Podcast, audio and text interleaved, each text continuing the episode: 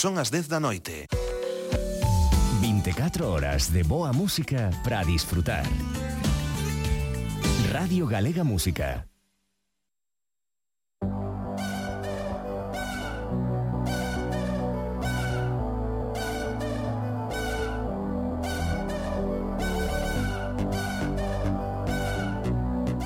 Cara B, con Manuel de Lorenzo.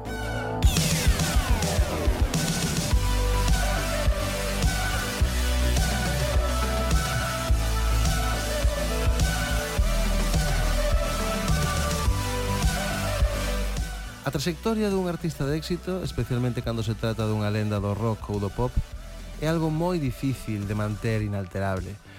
Chega un momento no que é imposible ascender máis, e o mellor que se pode facer é planar, manterse estable, voando arredor da cima sen experimentar demasiado, non vai a ser que en algunha manobra arriscada remate un estrelado. Pero isto acontece moi poucas veces no mundo da música. Mitos que logren resistir no máis alto non hai tantos veñenme a cabeza o dous, Metallica, Coldplay, os Stones, Madonna, Bruce Springsteen, Green Day, Patti Smith, pero en fin, sabedes que estamos a falar de verdadeiros emblemas do rock and roll. O habitual é descender, ou seja, permanecer no alto un tempo e despois emprender o camiño de regreso xa sexa dun xeito suave, paseniño, que permita mesmo instalarse nunha zona cómoda da ladeira e quedar ali, como Phil Collins ou Gwen Stefani ou Pearl Jam, ou ben cunha caída desas que che fan poñer as mans diante dos ollos, desas nas que non queres nin mirar e que rematan cun trompazo letal contra o chan, pois como o caso de Cindy Lauper, Jet ou James Blunt. Chegar e manterse sempre é a excepción. Chegar e caer polo precipicio adoita ser a norma.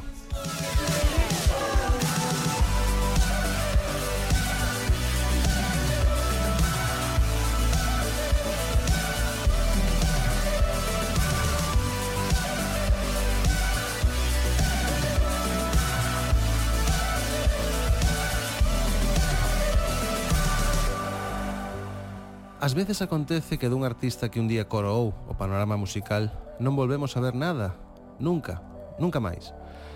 E non me estou a referir aos One Hit Wonders, flores dun día que colocaron un éxito no, no número un das listas de vendas ou coparon as emisoras de medio mundo cunha canción e despois se esvaeceron como a vagoas na choiva. Pois de Bagels con Video Kill the Radio Star, de Knack con My Sharona, Natalie Imbruglia con Torn e casos así. Non, estou a falar de xente que eran verdadeiras iconas do rock ou do pop e que de súpeto desapareceron da escena debido ao escaso éxito acadado e o gran público esqueceunos para sempre. É algo que acontece moitas máis veces das que pensamos, de feito é o máis habitual. Onde están agora Scorpions, Blondie, M. Clan, Kate Bush. Pero outras veces hai artistas que comezan a descender cada vez máis e máis, sen moita presa, é certo, pouco a pouco, pero que van desaparecendo sen remedio tamén, despois de pasar moitos anos no máis alto. E aquí poden ocorrer dúas cousas. Ou ben, eses artistas quedan aí nunha especie de segunda ou terceira división, e ás veces sabes algo deles, buscas saber que están a facer, e nada máis, a outra cousa, non? Como por exemplo The Cardigans ou Pet Shop Boys, ou ben, como por arte de maxia, malla que de maxia isto non adoita ter nada, eses artistas rexorden, reaparecen, volven escalar a montaña e chegar outra vez á cima, como o ave fénix que resucita das súas cinzas.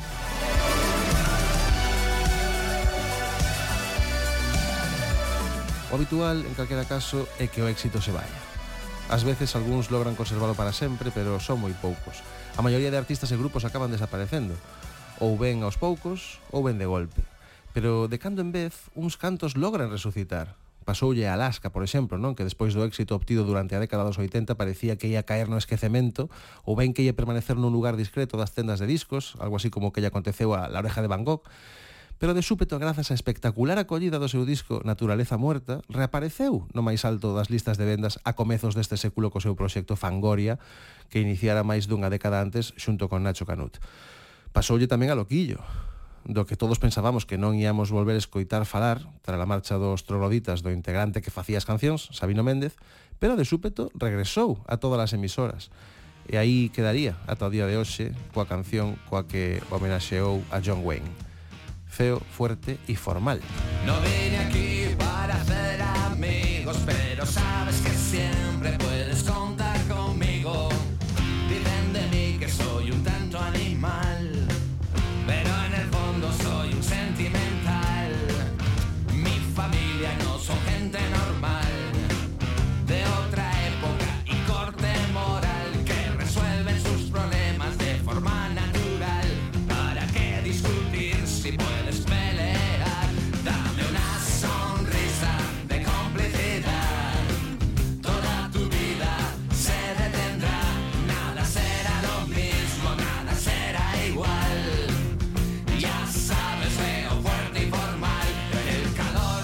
Isto de resucitar de entre os mitos esquecidos é algo do que moi poucos poden presumir, eh? Johnny Cash é un deles, por exemplo, cando regresou á cima da mando produtor Rick Rubin. Tamén Roy Orbison, esquecido polo público estadounidense e resucitado anos despois, ata tal punto volveu a poñerse de moda eh, que pasou a formar parte do supergrupo de Traveling Wilburys xunto con Bob Dylan, Tom Petty ou George Harrison que por certo, foi outro gran damnificado polo paso dos anos, non? Indo a menos con cada disco despois de publicar o seu primeiro álbum en solitario, All Things Must Past, e que mesmo chegou a deixar a música, non? Chegou a retirarse durante cinco ou seis anos para regresar de golpe co disco Cloud Nine no que se atopaba a canción I Got My Mind Set On You. I got my mind set on you. I got my mind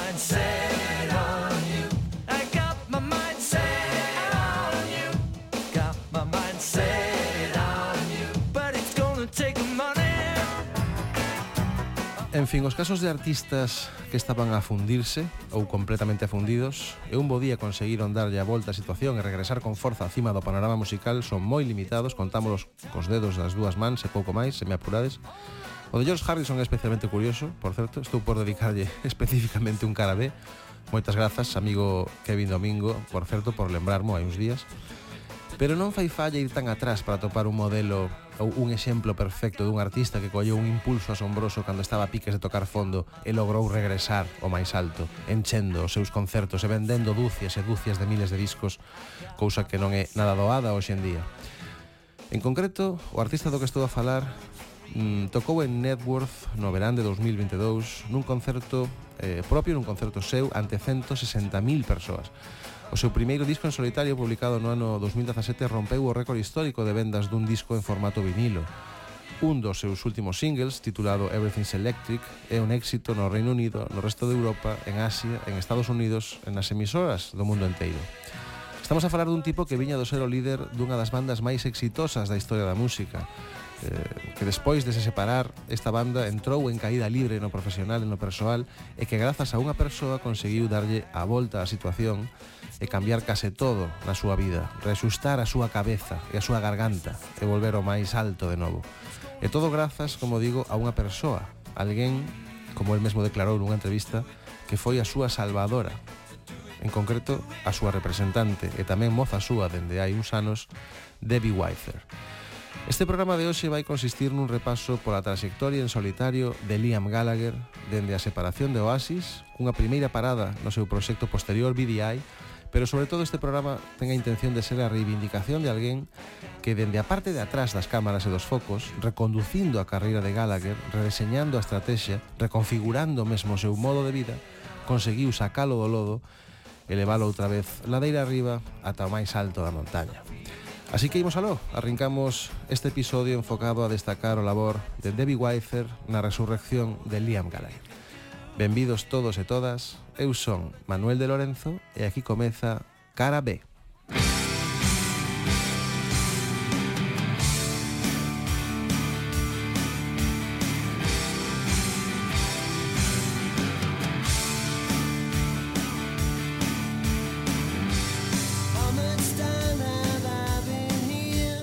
Ben, a cousa foi así. No ano 2009, despois de case dúas décadas de pelexas, gritos, insultos e ameazas, Os irmáns Gallagher romperon a súa relación persoal e profesional provocando a desaparición da banda británica que lideraban, Oasis. Noel Gallagher marchou polo seu lado, iniciando un proxecto en solitario chamado Noel Gallagher's High Flying Birds, e Liam Gallagher quedou co resto dos membros da banda, que sen o seu principal compositor decidiron seguir xuntos nun novo proxecto, nun novo grupo chamado BDI punto que setenteiro e experimental que non estaba nada mal. Vela aquí un exemplo, Flick of the Finger.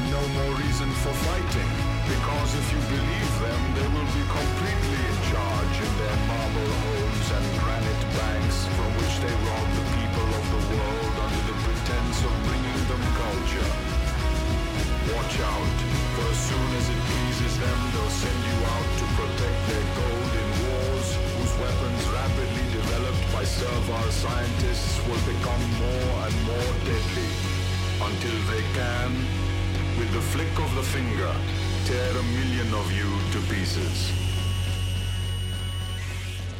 O que pasou foi que as relacións internas en BDI non eran como debían ser. ¿Mm? Nunca trascendeu realmente cal foi o principal motivo polo que o grupo se separou despois de publicar dous discos que tiveron bastante boa acollida, en canto a crítica polo menos, pero probablemente as razóns tiveron algo que ver coa deriva do seu líder. ¿Mm? Podo supoñer que non foi doado convivir con Liam Gallagher durante aqueles anos, durante os que a súa vida foi unha especie de treboada, tanto eh, no persoal como tamén no referente á súa carreira.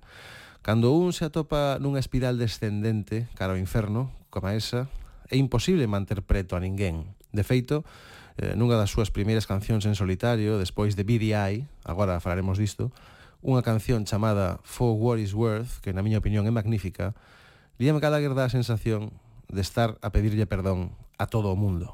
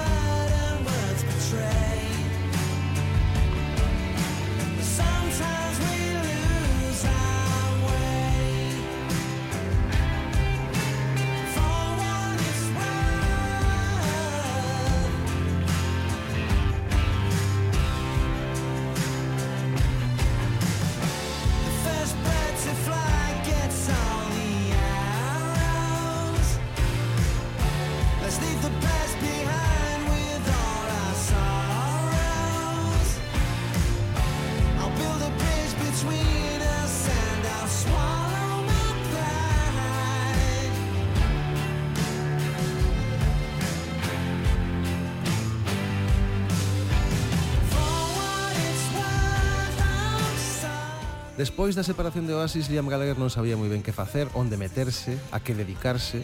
O mundo que el coñecía xiraba en torno á banda que montara xunto ao seu irmán a comezos dos anos 90. Sen Oasis el non tiña un traballo, non tiña unha ocupación, non tiña nada ao que dedicar a súa vida. E por iso naceu BDI, non? como o resto dun naufraxio, disposto a vagar polo mar en busca do seu propio rumbo, pero non funcionou. Liam maltrataba a súa voz, o seu instrumento, a súa ferramenta. Non a coidaba en absoluto, cada vez cantaba peor, e os directos eran lamentables por momentos. A súa vida persoal era un descenso sen freos cara ao excesivo, drogas, alcohol, prostitución, pelexas. Os escándalos sucedíanse cada vez con máis frecuencia. Era imposible manter unido un proxecto grupal como BDI. E se me apurades, era mesmo imposible poñer en marcha un proxecto en solitario. Eh? Eh, non, non, non era posible se o centro de gravidade daquel proxecto ia a ser un tipo en proceso de autodestrucción. Por iso, eh, o público quedou pampo cando Liam Gallagher publicou o seu primeiro disco como solista, titulado As You Were, eh, en 2017, onde se atopa a canción que acabamos de escoitar, For What Is Worth, porque de súpeto era un disco boísimo, non? E Liam Gallagher cantaba mellor, e a súa actitude era outra. E unha boa mostra diso foi o primeiro single dese álbum, titulado Wall of Glass, que deixou o público e a crítica abrallados Aquí o tedes. Música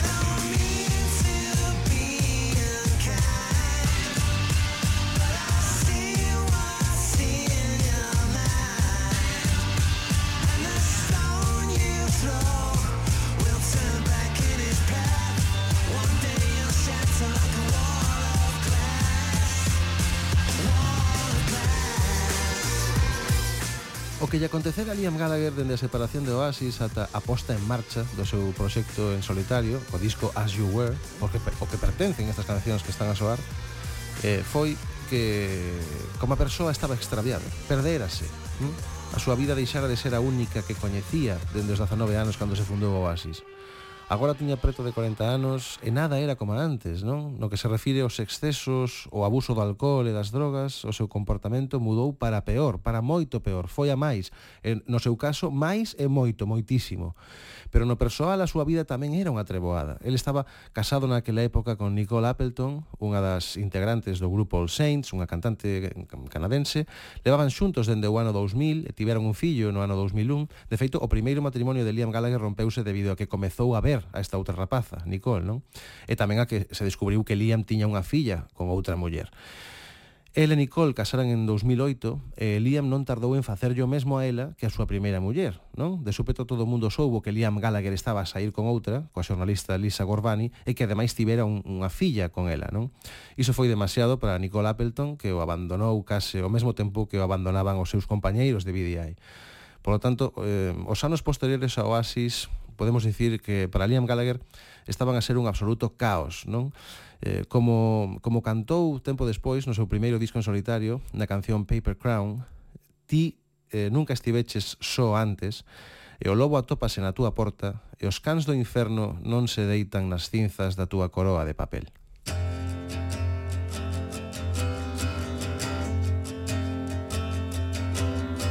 When they gave you roses and believed your wild excuses you were seen the deal halfway down the road, and ain't it funny how the ghosts they fade and suddenly appear? You went too far, a woman. Now you're feeling the fear. Cause you've never been alone before. Is at the door. Oh. Now it's better if you hold your breath and don't look down at the pages of your paper crown.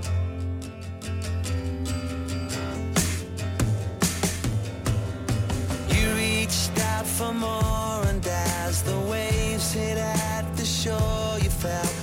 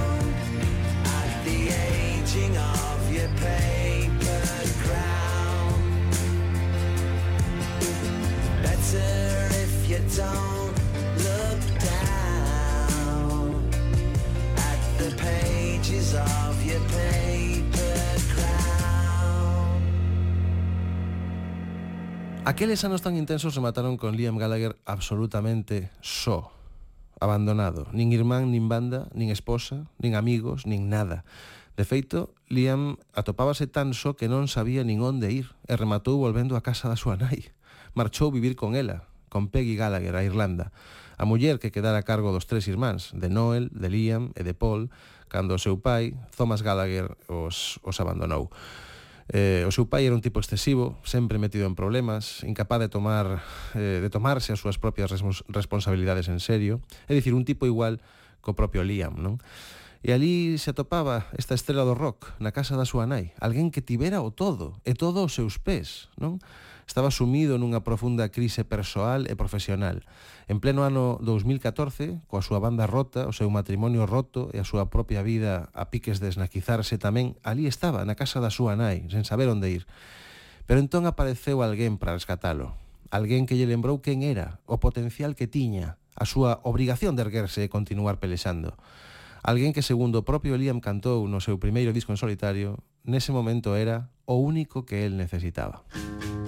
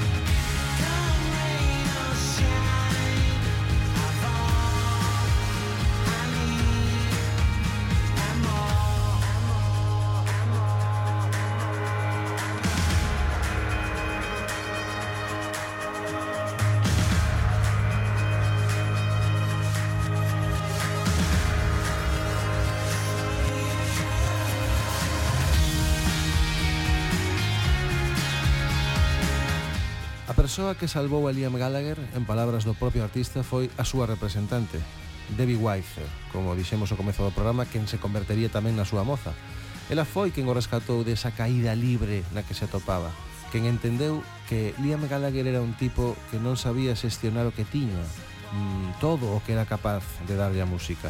Porque nunca fixera a él, nin sabía por onde comezar. El sabía facer cancións, gravalas no estudio, ensaialas coa súa banda, sair ao escenario e cantalas e dalo todo, pero nada máis que iso, non? O resto era desorde, e a desorde no profesional contaxábase coa desorde no persoal, era un camiño de ida e volta, canto máis caóticas eran as cousas na súa vida, máis caóticas eran na súa carreira, e viceversa, precisaba de alguén que lle marcara o camiño, hm? que collera as pezas espalladas polo chan e as recolocara, alguén que soubese como había que facer as cousas, que soubese xestionar a súa carreira, que soubese deseñar unha estrategia comercial, que soubese coidar a imaxe do artista, que soubese dar golpes de efecto que colocasen a Liam outra vez na cima. El queixárase de que con BDI os medios non lle prestaran a suficiente atención. Chegou a dicir que se chegan a publicar un terceiro disco rematarían tocando en pubs, non? Pero isto correu porque el non soubo xerar ese interese nos medios e nos demais. Con Oasis esas cousas viñan soas, pero unha vez desaparecida a banda, había que xeralas, non?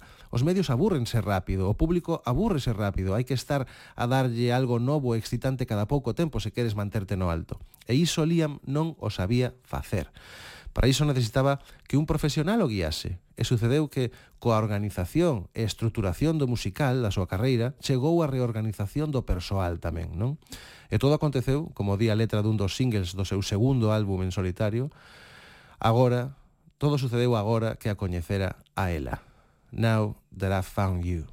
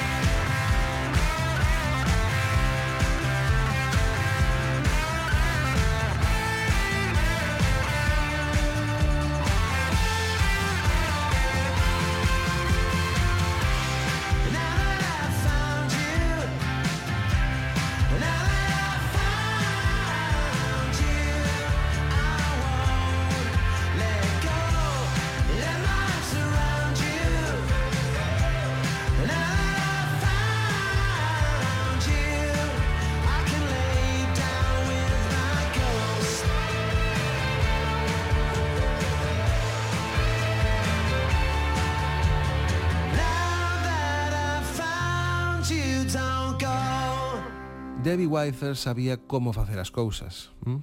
Liam Gallagher recompúxose, logrou calmar a súa tormenta interior e comezou a traballar. Seguindo os consellos de Weifer, Liam comezou a visitar un especialista, a un foniatra que lle axudara a recuperar e coidar a súa voz. Fixo unha excelente campaña de marketing de cara ao lanzamento do seu primeiro disco en solitario, sabía onde estar, sabía como moverse, eh, un concerto nunha azotea, os mellores festivais, as entrevistas adecuadas e, sobre todo, eh, o enfoque do seu pasado con Oasis dende un punto de vista non puramente nostálxico, non? Bastaba xa de chorar, era dabondo con todo aquilo de chamar por Noel para recuperar o grupo. Oasis eh, foi o que lle conduciu a estar onde se atopaba, na situación perfecta para ser un rockstar en solitario. Mm? Debbie Weiser fixo un traballo enorme con Liam, tanto no estratégico como no psicolóxico, porque convenceu no de que él era un mito, de que bastaba con ser Liam Gallagher para non ter que extrañar a Oasis, non? cambiou os seus hábitos, especialmente os máis, os máis tóxicos. Eh, Liam mudou de barrio, el mesmo recoñecera que pasaba toda a vida en Hampstead, marchou a outra zona de Londres, coñeceu outra xente, outros ámbitos, persoas que non pertencían ao mundo do rock, xente adulta Mm? Comezou a erguerse cedo polas mañás, comezou a correr todos os días, recuperou a orde na súa vida. E por fin eh, ergueuse sobre as súas cinxas para deixar de botar de menos a Oasis e chorar polo seu irmán, non? Xa estaba ben. Agora el estaba disposto a ser máis grande mesmo que Oasis, se era preciso. E iso notouse nas letras das cancións do seu segundo disco, non? Notouse moito, como por exemplo no single Once, eh, do seu, do seu segundo álbum, como digo, no que el, eh, aparentemente lembrando yo seu irmán que non vai conseguir volver, volver ser o que era, di, cando chegou o amencer, senticheste tan inspirado para facelo outra vez, pero resulta que só podes facelo unha vez. It was easier to have fun back when we had nothing Nothing much to manage Back when we were damaged, sometimes the freedom we wanted feels so uncool. You just clean the pool and send the kids to school.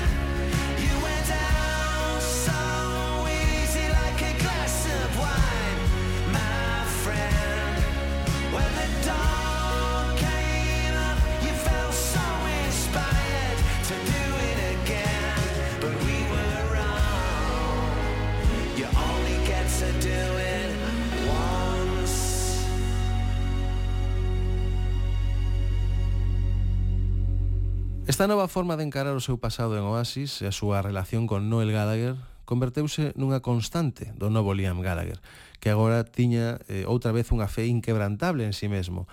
O seu segundo disco, onde se atopaba este tema que acaba de soar, levaba por título Why Me, Why Not? Mm, ou seja, por que eu? Por que non?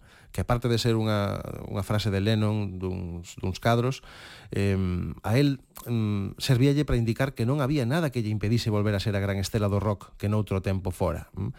O seu disco debut en solitario aterrara directamente no número 1 no Reino Unido, vendendo máis que o resto dos outros 10 mellores álbums do momento combinados e obtendo a certificación de disco de ouro na súa primeira semana logrou as vendas en formato vinilo nunha semana máis altas en 20 anos e foi nominado a mellor artista solista nos Brit Awards. Co segundo álbum, as cousas eh, marcharon igualmente ben. O primeiro single do disco, Shockwave, converteuse nun dos maiores éxitos en solitario de Liam Gallagher, sendo o single en vinilo máis vendido de todo o ano 2019 no Reino Unido e o seu primeiro single en solitario en chegar ao número 1 das listas. O traballo de Debbie Weiser coa promoción, coa estrategia comercial, coa depuración da imaxe de Liam Gallagher e coa súa renovación mental estaba a dar os seus froitos. Se estás perdido, atopareite ali, coa luz do sol no teu cabelo e a tristeza lavada pola choiva. Canta Liam no seu single Better Days, Días Mellores. Días Mellores.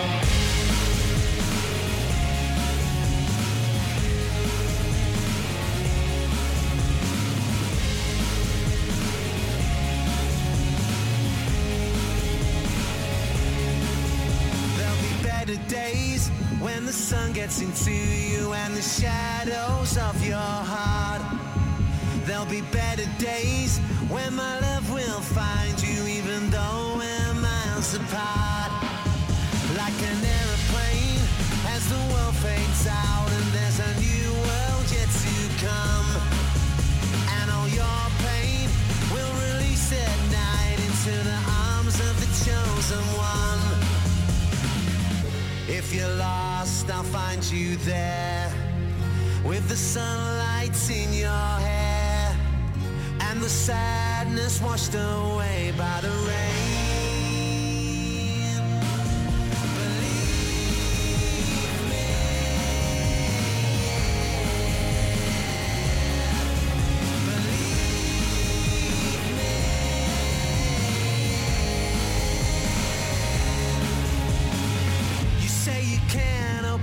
Your eyes cause you're reeling.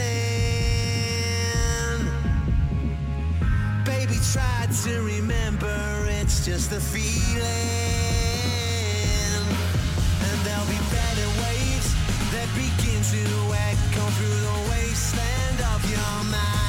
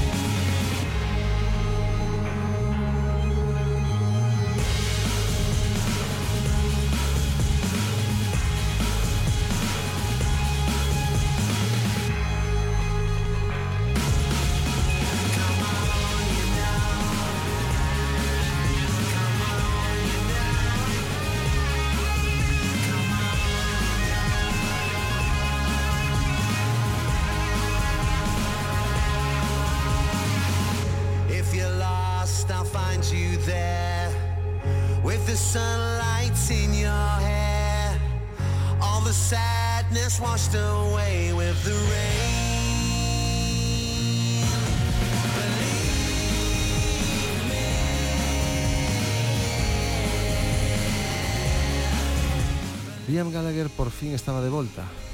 Un terceiro disco xa, baixo brazo, titulado Come On You Know, concertos en todo o mundo, tocando nos mellores escenarios, enchendo os recintos, actuando no tributo a Taylor Hawkins, dos Foo Fighters, despois do triste falecemento deste, colaborando con ONGs, como por exemplo con War Child, dedicada a axudar os nenos presudicados pola guerra, a esa organización cedeulle por certos beneficios da canción que acabamos de escoitar igual que colaborou tamén coa ANG sobre saúde mental Talk Club UK eh, cunha fermosa canción sobre a esperanza sobre non virse abaixo titulada Too Good for Giving Up. Es demasiado bo ou boa para renderte. Take a step, watch the ground Rise to meet your feet somehow.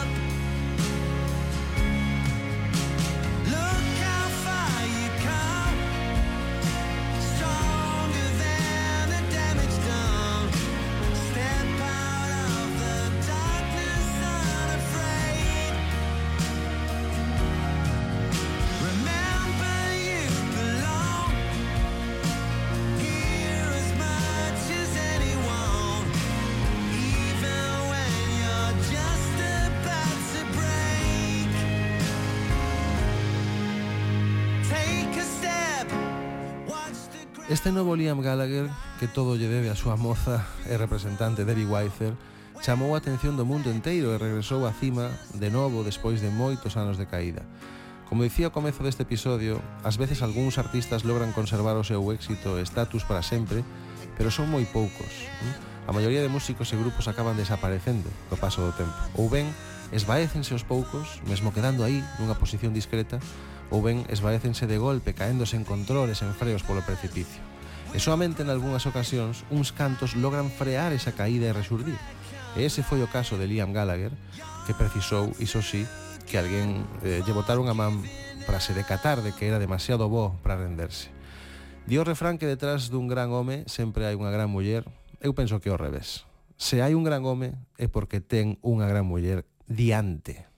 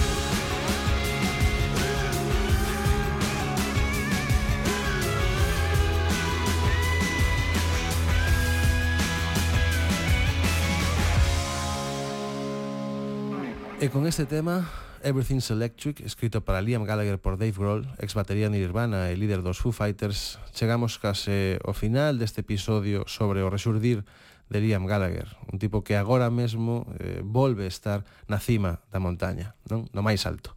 Agardo que vos gustara tanto como a nós este relato que, como sempre, tentou profundar na parte de atrás da historia da música, nesa parte menos coñecida, meténdonos a todos entre bambolinas para entender mellor como se forxan os mitos do rock e o pop. Para nos foi un placer traervos estas anécdotas ata este espazo no que se alternan as boas historias e as grandes cancións. Así que esperamos por todos vos a vindeira semana noutra entrega de Cara B. E non esquezades buscarnos na plataforma radiogalegapodcast.gal, en Spotify e no resto das plataformas de podcast onde podedes atopar todos os nosos episodios. Coidadevos moito.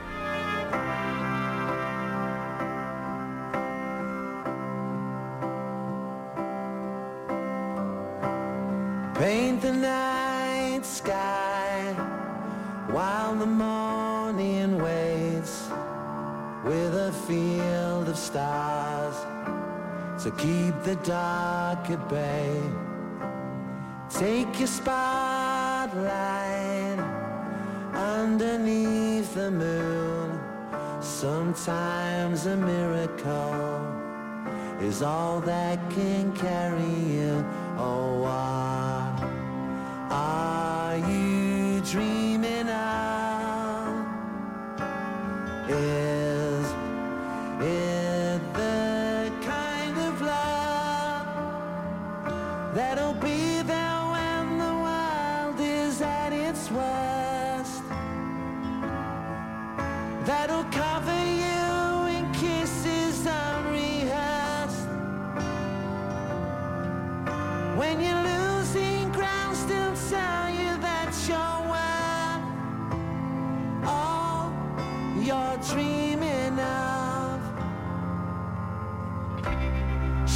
the pain, birds. Come and rest their wings upon your windowsill without a song to sing. Close your eyes and disappear inside. All that is beautiful was following behind.